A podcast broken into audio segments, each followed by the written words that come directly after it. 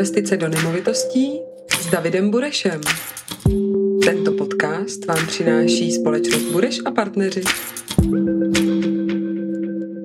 Den, jsem Bára Soukupová a vítám vás u dalšího dílu podcastu Investice do nemovitostí s Davidem Burešem.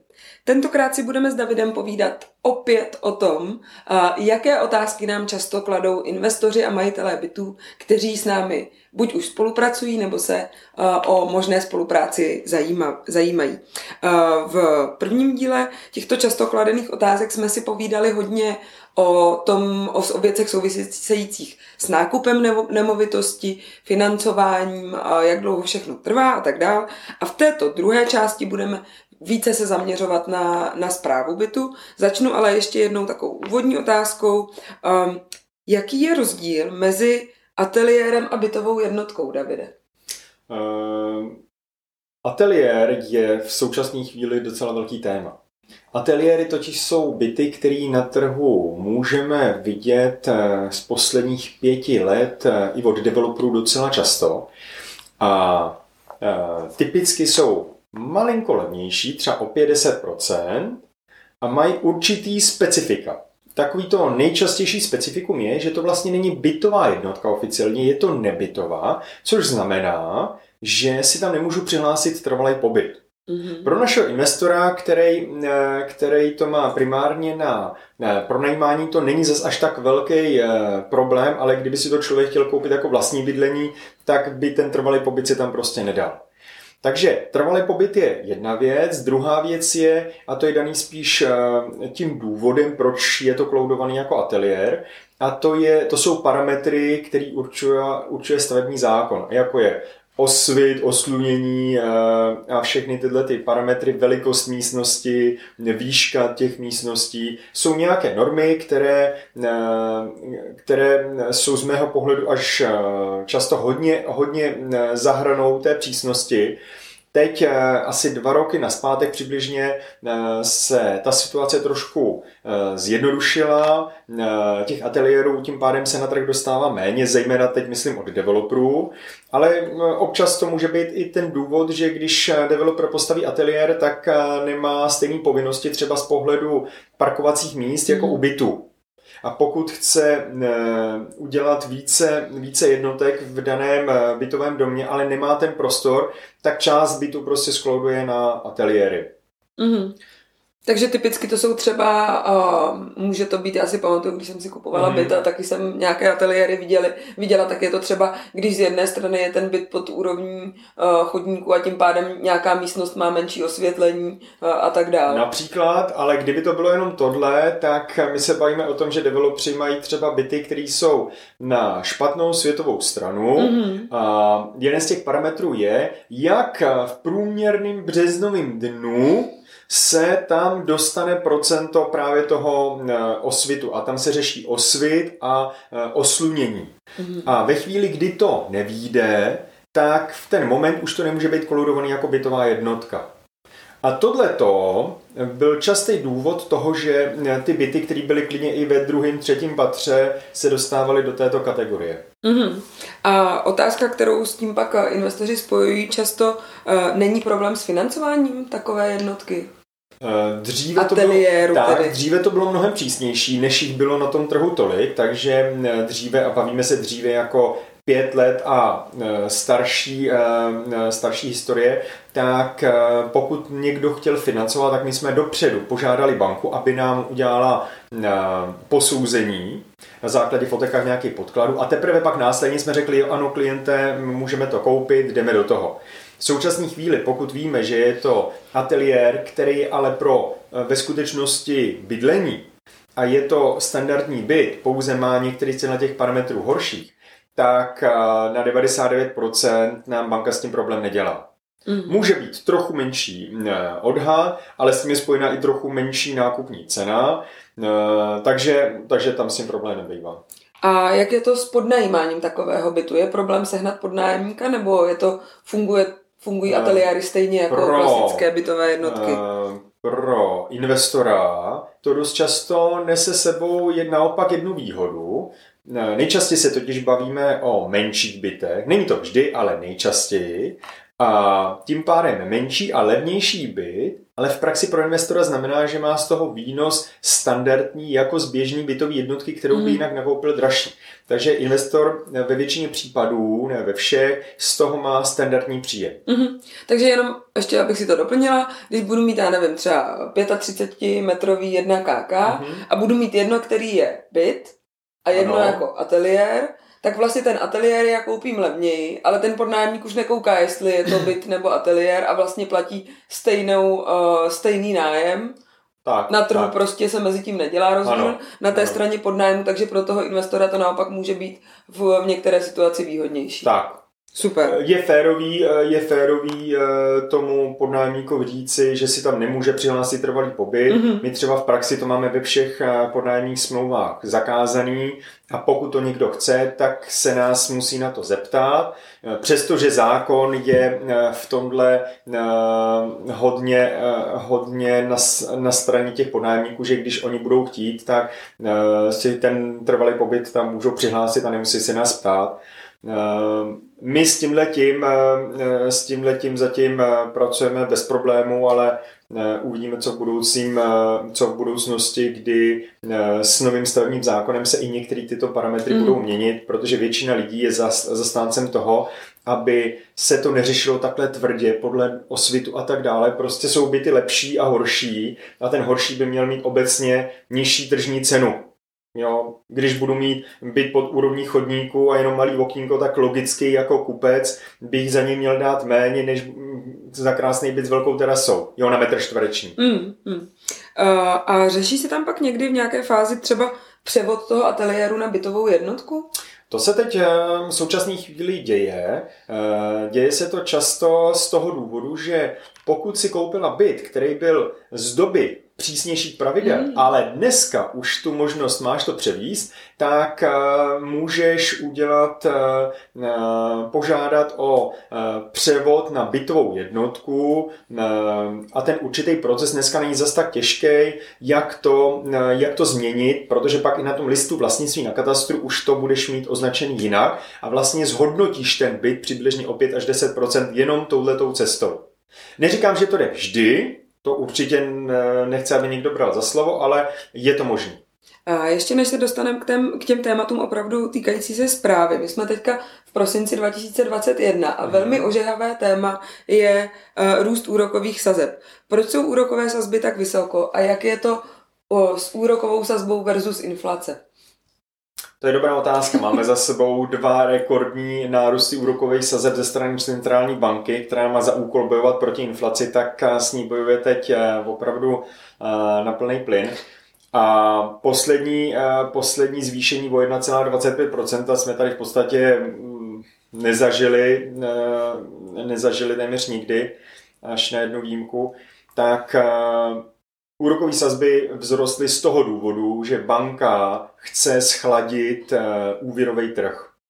Je potřeba vědět, že eh, jenom za prvních 10 měsíců letošního roku jsme se dostali na tak velký čísla. Eh, jsme na čísly minulého roku. To rozhodně, ale jenom pro tvou informaci, většina bank si splnila letošní plán už někdy v dubnu, v květnu. To znamená, půjčili tak velké množství peněz, že chápu centrální banku, že to chce trochu schladit.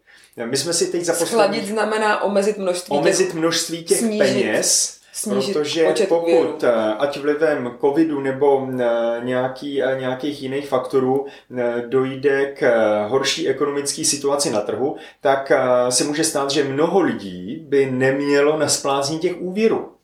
A pokud si vezmeme, že člověk, který si koupil nemovitost a zvýší se mu náklady, náklady, dejme tomu třeba o 5 tisíc na spláce, tak už nemusí ustát.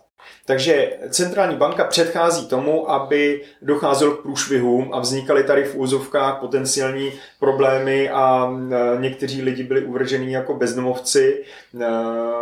Takže předchází tomu. Současně ale je potřeba se na to dívat, jak to pro běžného člověka se promítá i ve spojení s inflací. Protože eh, když bychom se podívali třeba 4-5 let na spáté, tak úroky byly o kousek vyšší, třeba o 2-3 desetiny, než byla inflace.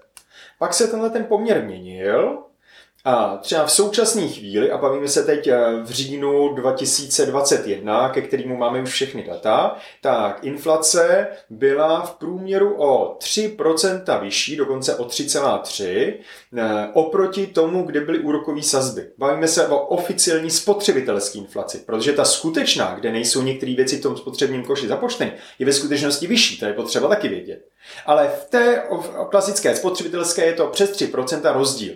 Takže dokonce úvěr půjčený teď je pro tebe jako eh, vypůjčovatele, pro to investora řekněme, mnohem efektivnější a výhodnější než před pěti lety, kdy úroky byly pod 2%. Mm-hmm. Ač se to nezná na první pohled, ale je to tak. To znamená, laicky řečeno, ty když si teď půjčíš 5 milionů, tak těch 5 milionů bude v tuhle chvíli e, rychlejš tou inflací e, zmenšováno, a znehodnocováno, než když to bylo třeba před nějakými pěti, šesti, eh, sedmi lety, kdy třeba inflace byla pouze čtvrt procentního bodu a eh, v ten daný moment si vůbec nemusela eh, tohleto řešit. Ve skutečnosti to bylo drahá sranda, protože si měla třeba 2-3%, nebo ne 2-3%, ale třeba 1,5 až 2% hodnotu nad tou inflací. Takže hrozně mm. drahý úvěr. Mm-hmm. A děkuji za odpověď. A k tomu se mi tady váže další otázka, mm-hmm. protože jsme se dostal na to uh, ochlazení uh, trhu z důvodu toho, aby nenastávala situace, že bude mít někdo problém splácet. Uh, otázka, jak řešíme a pomáháme případně majiteli, pokud se dostane do problému se splácením hypotéky. Pokud třeba teda chce ten byt prodat, nebo... Mm-hmm. Uh, my tím, že děláme celý komplex, to znamená od uh, vyhledání nemovitosti přes úvěry, přípravu až po tu zprávu a pronajímání, tak v momentě, kdy některý klient nám řekne, a to se během některých těch pandemických uh, lockdownů teď stávalo, že potřeboval rychle peníze, tak pro nás to v praxi znamená, že ten člověk, když nám to dá tu informaci, tak my máme všechny materiály o tom bytě. Víme, kdo to za kolik pronajímá, máme k tomu videoprohlídky, virtuální prohlídky, nabídneme to ostatním investorům a většinou je to otázka pár minut, kdy k tomu bytu máme novýho zájemce, který to chce koupit. Už s tím nájemníkem tak, jak to je. A jediný, co v tu chvíli uděláme, je, že e, připravíme podklady kupní smlouvu a z člověka A to přijde na člověka B, vyrovnají se mezi sebou e, ceny a nájemník to v podstatě ani nepozná. Tento maximálně pozná, že tam bude potřeba přijít odhadce a dostane informaci, že je jiný vlastník, ale tím, že ten podnájemník má smlouvu s náma, tak jeho nezajímá, kdo má smlouvu eh, jako vlastník eh, s naší firmou. Mm-hmm. Super. Uh... Jinak ještě bych tomuhle možná dodal jednu věc, že eh, tím, jak děláme velké množství úvěrů, bavíme se třeba o 400 milionech úvěrů každý rok, tak s těma bankama máme velmi dobrý vztahy a jsme schopní pro toho klienta, když je jenom nějaký zaškobrtnutní, kolikrát i třeba dohodnout individuálnější podmínky, co s tím. Mm-hmm. Není to o tom, že by nemusela splácet nebo něco takového, ale máme e, možnost dohodnout určitý, určitý řešení té situace. Takže v tom toho klienta prostě ne, nenecháme. To, to není cílem. My chceme, aby ten klient byl schopný fungovat a třeba pokud bude mít tři byty, abychom se rozhodli, co s danou situací udělat. Jestli se jednoho bytu zbavíme, prodáme a e, snížíme zadlužení, nebo naopak chvilinku to vydržíme, protože třeba jemu někdo nezaplatil a e, může u takovéhle situace nastávat. Mm-hmm. A vrátíme se zpátky od toho financování, mm-hmm. úrokových sazeb a tak dál. A už k tomu podnajímání a zprávy. My, když si bereme byt do zprávy, mm-hmm. ať už tedy uh, ho nakoupíme, ano. nebo, uh, nebo ho uh, uh, bereme od klienta, který byty vlastní, ano. první fáze je příprava bytu. Mm-hmm. Proč je potřeba opravdu dělat tu přípravu a nestačí jenom vymalovat a uklidit? No, to je velmi důležitý, velmi důležitý bod, který říkáš tím, jak se připraví nemovitost, ty si určuješ, kdo v té nemovitosti bude bydlet, koho přitáhneš k té nemovitosti. To znamená v praxi, pokud já bych ten byt nechal tak, jak je a pouze vymaloval a drobně uklidil, což pro většinu eh, lidí znamená drobně uklidil, pouze ta věc, kdy si eh, v úzovkách zametou a tím to končí. My to potřebujeme připravit, aby to bylo aby bylo všechno vyspravný, zrekonstruovaný, udělaný ty věci, které jsou důležité. Často se mění kuchyňská linka, protože to je u prázdného bytu, protože většinou máme prázdné byty, tak často je to něco, co ten klient na těch fotkách vidí jako tu dominantu. To znamená 10-15 let stará kuchyň, která funkčně bude v pořádku, ale znamená, že mi ten byt na tom trhu schazuje. Takováhle drobnost. A často ty kuchyně, který, kterými tam dáváme, tak výjdou třeba na 100-150 tisíc, ale zhodnotí mi to, to, že nebudu mít mezery při tom pronájmu a tak dále. Takže tohle to je hrozně důležitý, dostat ten byt na nějakou úroveň a pak tu úroveň se snažit držet. Protože když to kompletně připravíme a máme dostatek důkazních materiálů, tak pokud tam někdo bydlí a po roce by nám ten byt chtěl třeba vrátit, tak my zase chceme, aby jsme ho dostali ve stejném stavu. A pokud ne, tak z jeho kauce eh, se snažíme to dostat zase zpátky na tu linii.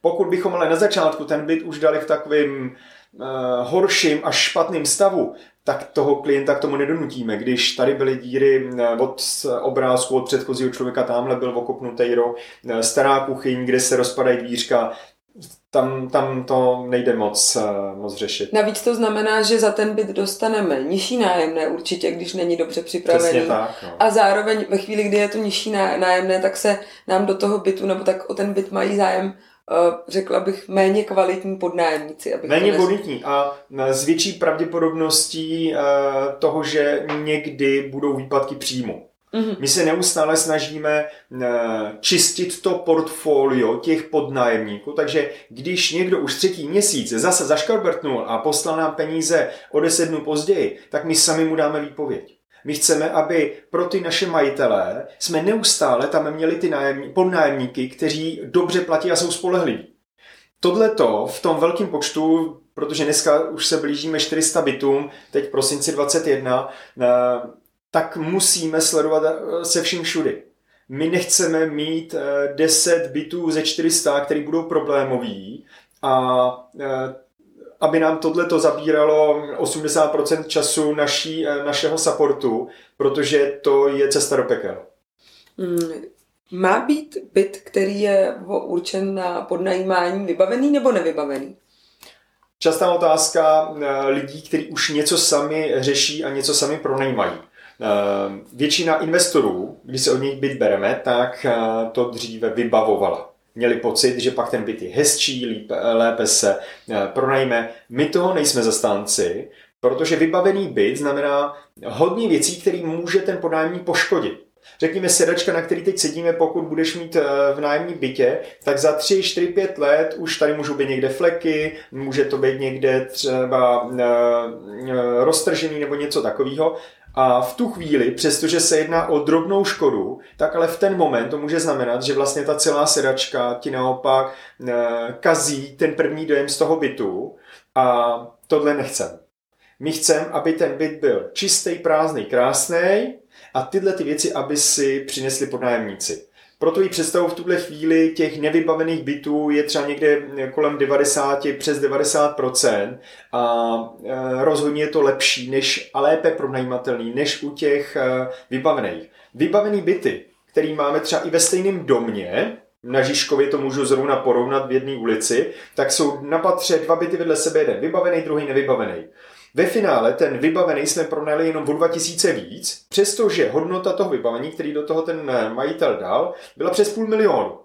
To znamená, jak dlouho se mi vrací těch půl milionu, když vím, že mi stejně ta sedačka nebo eh, některé věci tam vydrží pár let a spíš mi pak budou ukazit ten první dojem. Navíc já k tomu vždycky doplňuji, když o tomhle eh, mluvím s klienty, že jednak vlastně z dlouhodobého hlediska ve chvíli, když už jednou ten byt je vybavený, tak tomu majiteli tam vznikají opakované náklady, protože teda eh, nejde mít úplně napůl vybavený byt a když se hmm. něco opotřebuje, tak ono toho, do toho musí opakovaně ano. investovat. Takže vlastně si snižuje svůj výnos a další věc, která je za mě důležitá, vlastně jsme ji naučil ty, je ta, že když ti eh, podnájemníci si do toho bytu přinesou svůj nábytek, mm-hmm. jednak protože je s tím spousta práce, tak tam mají tendenci déle zůstat. A zároveň i se k tomu bytu celkově chovají mnohem líp, protože ano. vlastně nechtějí si poničit svůj nábytek, což ale vlastně přenesou na ten byt. Naopak, když přijdu do bytu, který je kompletně vybavený, tak mám tak trošku pocit, že jsem v hotelu. Až, no prostě nemám je k tomu to ten tak, vztah. No. Je to tak, no. A super. Ty si... Uh... Tohle totiž bylo, tenhle ten efekt byl krásně vidět u bytů, který, eh, který se dostávali do nabídky i k nám eh, z krátkodobých pronájmů, mm-hmm. které byly kompletně vybavený. To sebou nese to, že lidi ti i pak řeknou, my část vybavení máme, takže odneste si tu postel a tenhle gauč a jinak ostatní OK. Ale kam my dáme ten gauč nebo tu postel?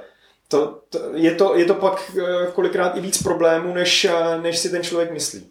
A tady se dostávám k další otázce a to je, jestli teda si umíme vzít do zprávy uh, i byty, které jsme nenakoupili pro klienty. Ano, my v tuhle chvíli uh, jsme schopni samozřejmě ten byt, který si vyhledáme a celkově si ho připravíme, tak plynule uh, posunout až do té zprávy. A pokud ten klient, uh, tento konkrétní nebo i úplně jiný, který s náma vůbec vyhledávání neřeší, za náma přijde a řekne, já mám tady jeden, dva, tři byty, který mám dokonce i teď obsazený, nemusí být ani prázdný, tak my na základě toho jsme schopni ten byt převzít, e, všechny ty podklady si k tomu nastavit a fungovat s ním.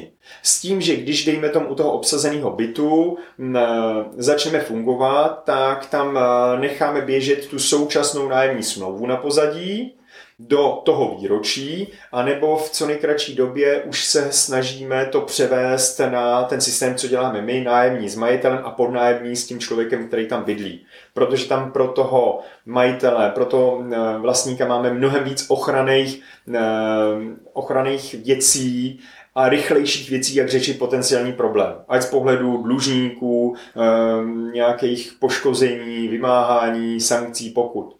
Jo, takže ano, jsme schopni tohleto dělat a standardně to děláme. Ale je potřeba se připravit na to, že ten byt si musíme dostat do nějakého standardu. Často dostáváme v tomhle byty, který eh, si třeba ten majitel eh, předtím eh, používal pro vlastní potřeby a pak to jenom, jenom vymaloval. Takže my, pokud to chceme vzít, tak je ale potřeba vědět, že ten byt potřebujeme trošku refreshovat, aby pak dělal opravdu dobrou službu. Mm, tam se dostávám k tomu, jaký je teda rozdíl pro toho majitele, když si pronajímá byt sám, anebo když využije naše služby. Velký. Uh, velký z toho pohledu, uh, ten, kdo uh, neví, co zatím stojí, tak má pocit, že je to jenom o tom, že jednou za rok to dá někam na bezrealitky nebo inzertní server, pak podepíše smlouvu a tím to končí. Ano, to může být přístup a takovýhle přístup má mnoho lidí. Eh, u nás vlastně se dneska o to stará už přes 40 lidí a téměř každý dělá trošku něco jiného.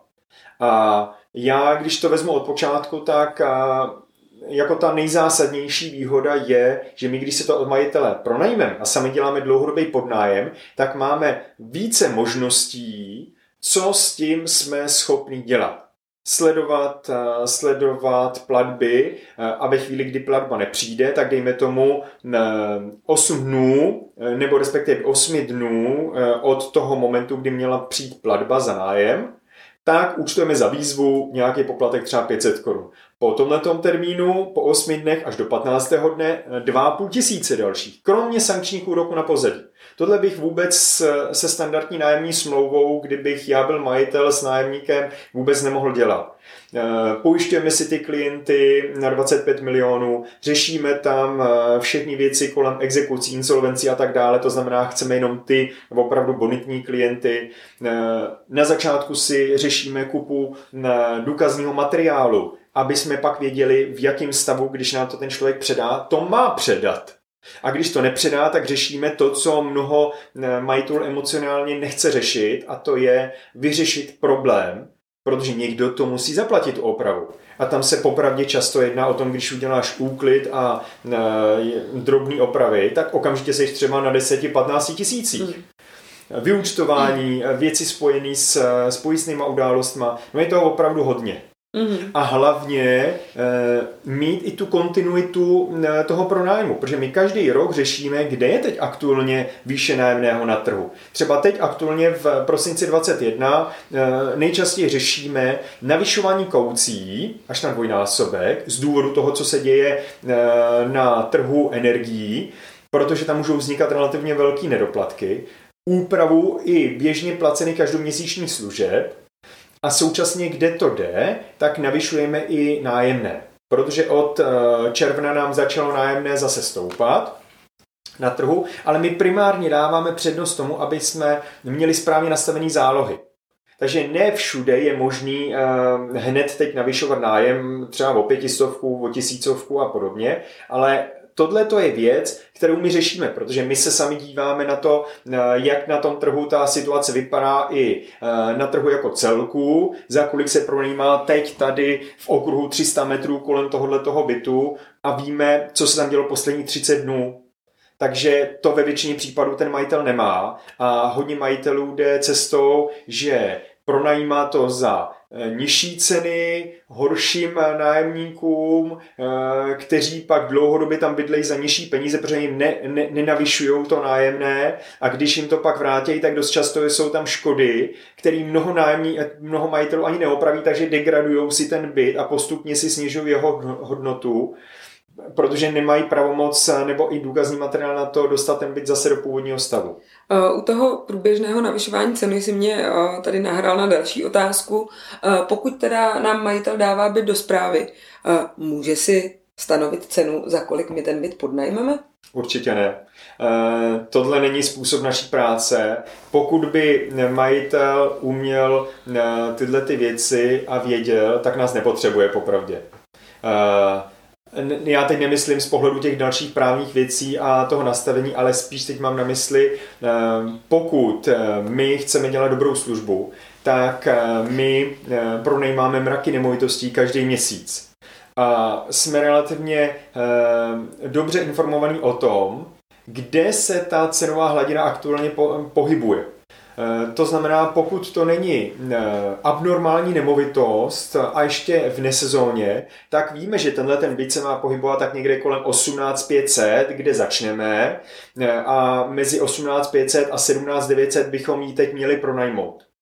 Ano, každá nemovitost může mít trošku jiný poplatky, takže musíme se dívat i na celkovou sumu, kterou to stojí toho podnájemníka. Ale my si tyhle ty věci určujeme sami a jdeme cestou, že začínáme o kousek výše, tím si testujeme i trh z pohledu navýšení a pravidelně každý týden schrovitě malinko snižujeme. E, někdy je to o dvě stovky, někdy je to o stovku, někdy je to o pět stovek podle výše e, toho nájemného. A v momentě, kdy se nám protne nabídka s poptávkou, tak v tu chvíli víme, že už dál nechceme snižovat, ale současně tímhletím postupným poklesem my se snažíme ten byt pronajmout co nejdříve. Protože k čemu je mi pronátej byt za vysokou cenu za 4 měsíce? Jo, ztratila jsem kupu peněz a ve chvíli, kdy si to pak rozpočtu na těch dalších 12 měsíců, tak vlastně jsem, to, jsem na tom často i prodělal. Jo. Ty jsi zmínil 12 měsíců a to mě navádí na otázku, na jak dlouho uzavíráme podnájemní smlouvu s podnájemníkem a za jakých výpovědních podmínek, protože majitelé se často ptají, co když budu ten byt potřebovat pro vlastní potřebu, mm-hmm. nebo ho budu chtít prodat. Rozumím. Uh, Podání smlouvy vždy řešíme na 12 měsíců, bez výjimky. Pouze u některých eh, klientů, kteří, eh, kteří se s náma dohodnou, eh, řešíme na dobu kratší, protože ty podnájemníci tam třeba bydlí, řekněme, teď do dubna a pak my ten byt budeme potřebovat třeba refreshovat nebo něco takového, takže jim to uzavřeme třeba na 7 měsíců. Ale standardní podnájemní smlouva je na rok.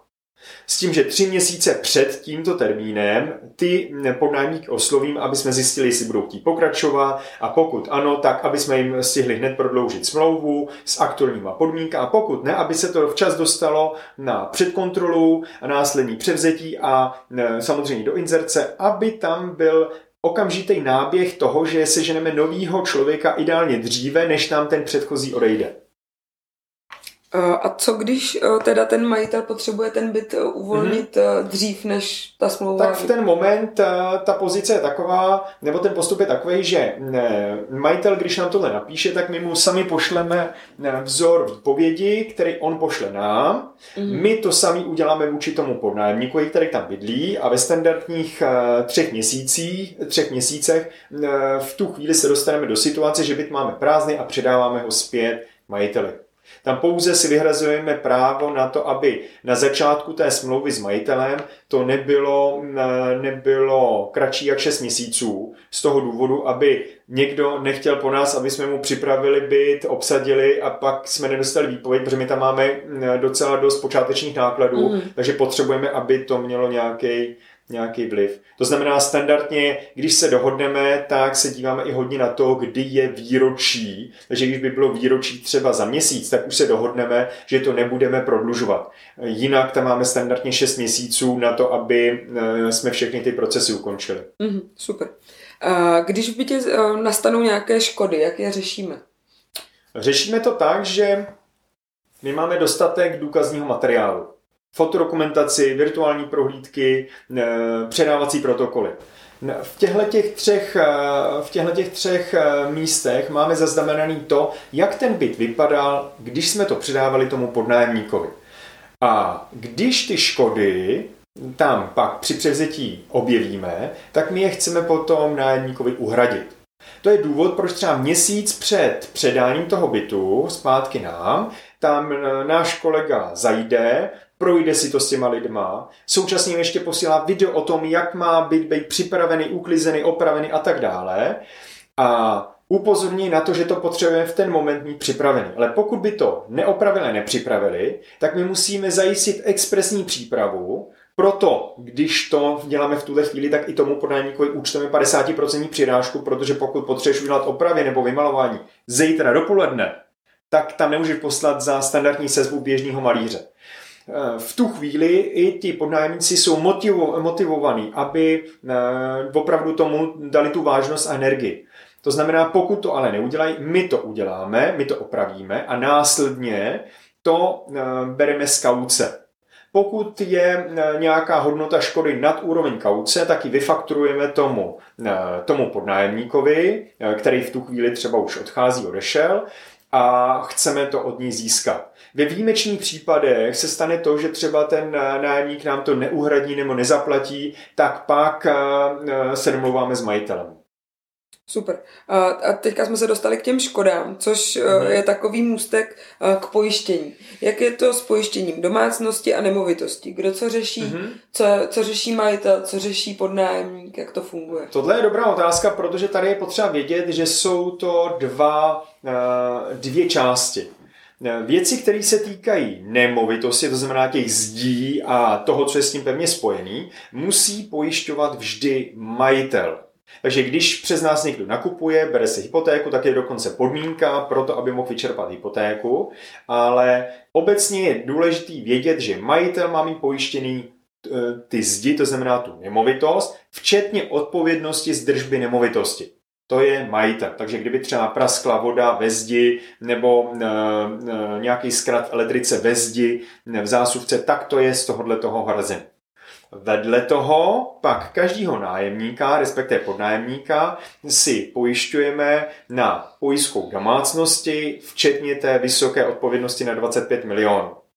A to z toho důvodu, že to je ten člověk, který v tom fyzicky bydlí, funguje v tom bytě a může tam pravděpodobně udělat ty škody, které jsou spojené s, to, s tím provozem toho bytu ehm, a s tím bydlením. Proto každý člověk, který eh, k nám jde do podnájmu, tak má ve smlouvě, že je nutné mít eh, toto pojištění. My eh, to navíc všechno i zařizujeme, takže v ten daný moment náš nasmlouvaný pojišťovací poradce toho člověka pojistí ještě předtím, než ten člověk si ten byt převezme, a než mu ho předáme a v ten moment je od prvního počátku ten podnájemník krytej a chceme nad tím mít popravdě, popravdě kontrolu, protože kdyby náhodou došlo k průšvihu, tak potřebujeme mít jistotu, že je to uhrazený, uzavřený, všechno správně, nevypověděl to ten podnájemník. Proto my si tam držíme eh, určitou jako formu kontroly. Mm, super. A, a jak je to s vyúčtováním? To je taková jako velká otázka, že jo, platí ano, se zálohy ano. na energie, mm. platí se zálohy na vlastně služby SVčka a mm. energie spojené s domem, vodu a tedy. Jak to funguje, jak ho děláme, kdy ho děláme?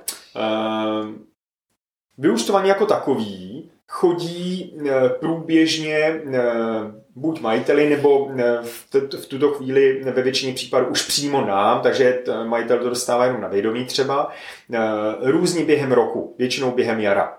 To znamená, že my v tu danou chvíli si to ukládáme do složky klienta a když třeba v září má ten klient právě výročí té smlouvy, roční podnájemní smlouvy, tak v tu chvíli kolegové ze zprávy eh, udělají to vyúčtování od toho počátku až teď po ten konec téhle roční smlouvy eh, na základě odečtů, který tam eh, jsou. A v tu chvíli my zjistíme, kolik tam byla skutečná spotřeba. Ale je potřeba vědět, že my jedeme podle cen za ty položky, třeba za energii, za plyn a za takové věci, za vodu, podle toho, k čemu máme vyúčtování. Takže je možný, že třeba my už tam máme část období, na který ještě nemáme vyúčtování, takže to účtujeme v cenách toho předchozího období, a necháváme si k tomu nějakou rezervu, kdyby to pak se zdražilo o tolik, co jsme neočekávali. Mm. Takže my to vyučtování děláme vždy eh, po konci té roční eh, podnájemní smlouvy. Posíláme to jak na majitele, tak na toho eh, klienta a v tu chvíli dojde k vyrovnání. Někdo má přeplatek, někdo má nedoplatek. Jedno, která strana. Mm-hmm. A to vlastně my účtujeme mezi nimi. Přesně tak. Projde to přes nás, abychom měli kontrolu, že ta platba proběhla. Ve většině případů jsou ty rozdíly, řekněme, do třech až pěti tisíc maximálně na jednu nebo druhou stranu, ale občas se stane, to je tak jeden případ z 50, tak se stane, že tam je třeba 17 nebo 20 tisíc rozdíl. A to z toho důvodu, že třeba některý ten byt, ten člověk má jenom na přespání, takže tam nevaří, nepere, nekoupe si každý den a v tu chvíli tam najednou vzniknou velký přeplatky záloh, protože my ten průměr těch záloh děláme eh, pro typologie bytu. Ale nevíme, jestli třeba ten byt, který by si používal ty, jestli tam budeš na home office a eh, pojedeš tam na plný, na plný plyn eh, v rámci toho využívání, anebo přesně naopak. To my dopředu nevíme. Hmm. To znamená, že tohle jsou častý, častý věci, že ti majitelé se pak ptají, proč mám vracet 20 tisíc, no protože se to prostě nespotřebovalo. A no. ona vám ta energetická společnost taky ten přeplatek Přesně tak. Takže přesně tak. my se snažíme být fér na obě strany vždycky. A musíme, tak nám to říká i zákon a máme tu povinnost, takže nechceme nikomu ubrat eh, jedinou korunu navíc, kterou by... A, a dostávám se k poslední otázce a to je právě to, co tedy musí dělat majitel sám za mm. sebe, co my nepře, nepřebíráme a co, co prostě nemůžeme udělat za něj. Je potřeba vědět, že za dobu těch eh, několika let, který, eh, který věnujeme této práci, jsme hodně těch věcí převzali na sebe. A eh, v tuhle chvíli, když ty by si byla majitel, tak určitě je potřeba vědět, že jednou za rok je členská schůze SVJ a tam v ten moment eh, my zatím za ty majitele eh, nechodíme, nezastupujeme. Důvodem je zatím to, že mnoho majitelů by o svém majetku mělo rozhodovat samo z pohledu toho, co se v domě bude dít a tak dále. Eh, do budoucna je možný, že tohle tu službu zavedeme taky, ale v tuhle chvíli zatím to necháváme na majitelí, to znamená, buď ta majitel jde, a nebo pošle plnou moc, což je nejčastější, plnou moc předsedovi to SVJ, aby tam byla dostatečná účast a mohlo být funkční hlasování. Takže to je eh, nejčastější věc. To, co jsou takové ty praktické věci, které ten eh, majitel musí dělat, tak například, když mu pošleme vyučtování jednou ročně, tak potřebujeme, aby eh, buď zaplatil a vrátil přeplatek, a nebo jenom, aby, eh, aby dostal informaci, že eh, přeplatek eh, z druhé strany on dostane na účet a aby se mu to vyrovnalo. Takže tam je to jenom pasivní role.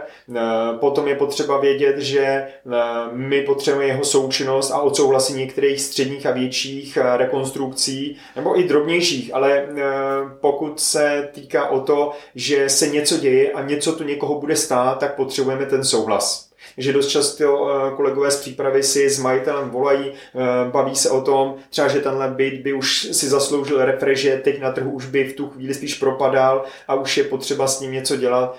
Takže o tomhle tom se bavíme. A e, pokud třeba právě to SVJ nebo ty energetické společnosti, který, kterými žádáme v tuhle chvíli na základě plné moci, aby nám všechny podklady posílali k nám, tak ale občas se stává, že to uh, stejně pošlo majitele, zejména ty SVJ, taky žádáme, aby nám tohle přeposlali. Takže snažíme se minimalizovat právě i na základě těch různých plných mocí pro jednání s SVJ a případně s těma energetickými společnostmi, aby ty majitelé toho měli relativně málo, ale nejsme schopní říct, maj, pane majiteli, nebudete dělat vůbec nic v té situaci zatím eh, jako úplně nejsme. Pro velký klienty eh, od 8 bitů více děláme ještě navíc koncierge, kde eh, máme i vytvořený meziúčet mezi náma a tím klientem, na který naše firma posílá peníze ke kterému ale my máme přístup. Je to ale účet majitele a my tam sami řešíme to, že se tady mění zálohy, takže upravujeme zálohy, vracíme případně poplatky, eh, eh, platíme z toho drobnější opravy, eh, kde se většinou domlouváme třeba, že na opravy do 20 tisíc nepotřebujeme souhlas a jenom to reportujeme ale to se týká větších klientů od 8 mm. bitů a vejš. To znamená, jenom doplním, u těch standardních klientů, kteří mají tu standardní službu, mm-hmm. uh, tak ti třeba musí teda jednou za rok nebo za půl roku změnit si nastavení trvalého příkazu, nebo pokud nemají nastavený inkaso na ty, na ty zálohy, věc, ale opravdu to není z hlediska toho, kdyby si ten byt mm-hmm. pronajímali sami, tak pořád jim ušetříme spoustu to času, starostí a peněz. Souhlas. Super, děkuji moc, Davide. Dnes jsme si povídali o tom, uh, o, o, ta, o často kladených dotazech, kteří, které, které jsou spojené se zprávou bytu, s podnajímáním a se vším uh, kolem toho. Děkujeme, že sledujete náš podcast a pokud vás zaujaly naše služby a máte třeba byt, o který se staráte sami nebo víc bytů a uh, chcete si ušetřit čas a nervy a užívat si uh, jenom výnosy z toho bytu, tak uh, nás neváhejte kontaktovat a využít našich služeb. Děkujeme. Díky.